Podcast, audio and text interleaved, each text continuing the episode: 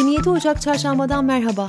Ben Minez Bayülgen. Kapsül Bülten'e hoş geldiniz. Son 24 saatin öne çıkan gelişmelerini sizin için derledik.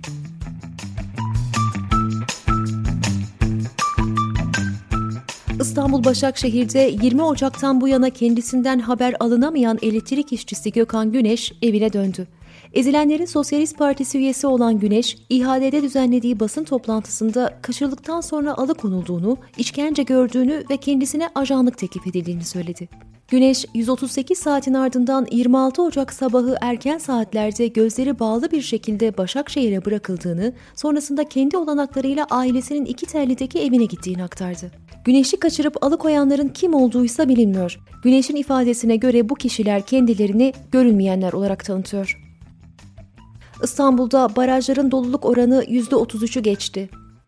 Tunceli'de 5 Ocak 2020'den beri haber alınamayan Gülistan Doku'nun ailesi Cumhurbaşkanı Erdoğan'la görüştü. Erdoğan aileye Türkiye Cumhuriyeti'nin Cumhurbaşkanı olarak hukuki olarak elimizden gelen her şeyi yapacağız. Hiç kuşkunuz olmasın dedi. İçişleri Bakanlığı genelgesine göre kayak tesisleri ve otellerinde müzik yayını, sokağa çıkma kısıtlaması olduğu saat ve günlerde yapılmayacak. Müşterilerin topluca bir araya gelmesi engellenecek. İstanbul'un Esenyurt ve Fatih ilçelerinde yabancıların ikamet izin başvuruları sınırlandırıldı. Öğrencilerse uygulamadan muaf tutuldu. Yalova'nın Bağlarbaşı mahallesindeki 5 Alevi ailenin evlerinin duvarlarına Alevi K yazıldı. Olayla ilgili soruşturma başlatıldı. Eski eşinin görüntülerini arkadaşlarına gönderen Burak Etiler'e 2,5 yıl hapis cezası verildi. Şiddetli lodos nedeniyle Edremit Körfezi'nde dalga boyları 4 metrelere kadar çıkarken dere yatağına bağlı bazı balıkçı tekneleri battı. 80 yaşındaki oyuncu Nilüfer Aydan, Cumhurbaşkanı'na alenen hakaret suçlamasıyla ikinci kez hakim karşısına çıktı. Aydan'ın 4 yıl 8 aya kadar hapsi istendi. Adamor Toplum Araştırmaları Merkezi 75 kentte siyasi parti tercihleriyle COVID-19 aşısına duyulan güveni karşılaştırdı. Buna göre aşıya en çok AKP, MHP ve HDP seçmeni güvenirken en az İyi Partililer güven duyuyor.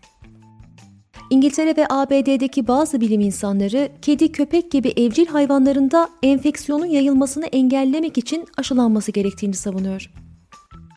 İsrail'de Pfizer ve BioNTech aşısının ikinci dozu yapılan 128.600 kişiden yalnızca 20'sine koronavirüs bulaştı. Bu kişilerin ateşinin 38,5'un üzerine çıkmadığı ve hiçbirinin hastanelik olmadığı açıklandı. The Times gazetesi Hamas'ın Türkiye'de başına buyruk davranmaya başladığını, Cumhurbaşkanı Erdoğan'ın da Filistinli militanlarla bağlarını yeniden gözden geçirdiğini yazdı. Haberde Hamas İstanbul'u diğer ülkelere siber saldırılar düzenlemek dahil gizli operasyonları için bir merkez olarak kullanıyor ifadelerine yer verildi. Ayrıca İsrailli yetkililerin iki ülke arasındaki ilişkilerin gelişmesinde Türkiye'nin Hamas'a verdiği desteği çekmesinin kilit önemde olduğu belirtildi. Hollanda'da Covid-19 önlemleri kapsamında uygulanan sokağa çıkma yasağı 3. günde de protesto edildi. Gösterilerde 180'den fazla kişi gözaltına alındı. Farklı kentlerde mağazalar yağmalandı. Türkiye ile yapılan istikşafi görüşmeler için Yunanistan muhalefetinden Başbakan Mitsotakis Berlin'in zoruyla masaya oturtuldu yorumu geldi. Eski Başbakan Samaras, istikşafi görüşmelerin başlaması Türkiye'ye yönelik yaptırımlarla ilgili her türlü tartışmayı iptal eder nitelikte.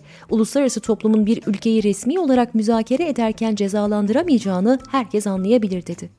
Avrupa Birliği Türkiye'den gelen olumlu mesajlar ve istikşafi görüşmelerin başlaması üzerine yaptırımları erteleme kararı aldı. Birleşik Krallık'ta yapılan bir araştırma köpeklerin 23 bin yıl önce Sibirya'da evcilleştirilmeye başladığını ortaya çıkardı. Araştırmaya göre 15 bin yıl önce Amerika kıtasına giden ilk kişiler köpekleri yanlarında götürdü ve ardından bu canlılar dünyanın dört bir yanına dağıldı. Bugüne dek yapılan araştırmalar köpeklerin Avrasya'da, Avrupa'da ya da Çin'de evcilleştirildiğini ileri sürüyordu. İngiltere'de intikam pornosu son bir yılda %73 arttı. Yardım hattının yöneticisi arayan mağdurların %4'ünün intiharı düşündüğünü aktardı. Lordlar Kamerası bu tehditlerin suç sayılması için çağrı yaptı. Tayland kralı daha önce resmi metres olarak atadığı sevgilisine doğum günü hediyesi olarak kraliçe ünvanı verdi. Hindistan'da hükümetin tarım yasalarını protesto eden çiftçiler başkent Yeni Delhi'deki Kızılkale'ye girdi. Olaylarda en az 8 kişi yaralandı. Guardian gazetesine göre çıkan olaylarda bir eylemci hayatını kaybetti. IMF'nin hazırladığı rapora göre Türkiye ekonomisi 2021'de %6 büyüyecek. Raporda düşük döviz rezervlerinin Türkiye ekonomisini şoklara karşı savunmasız bıraktığına da vurgu yapıldı. Avrasya Tüneli otomobil geçiş ücretinin 46 liraya çıkması bekleniyor. Tüneli işleten şirket %26'lık zam talebini Ulaştırma ve Altyapı Bakanlığı'na sundu.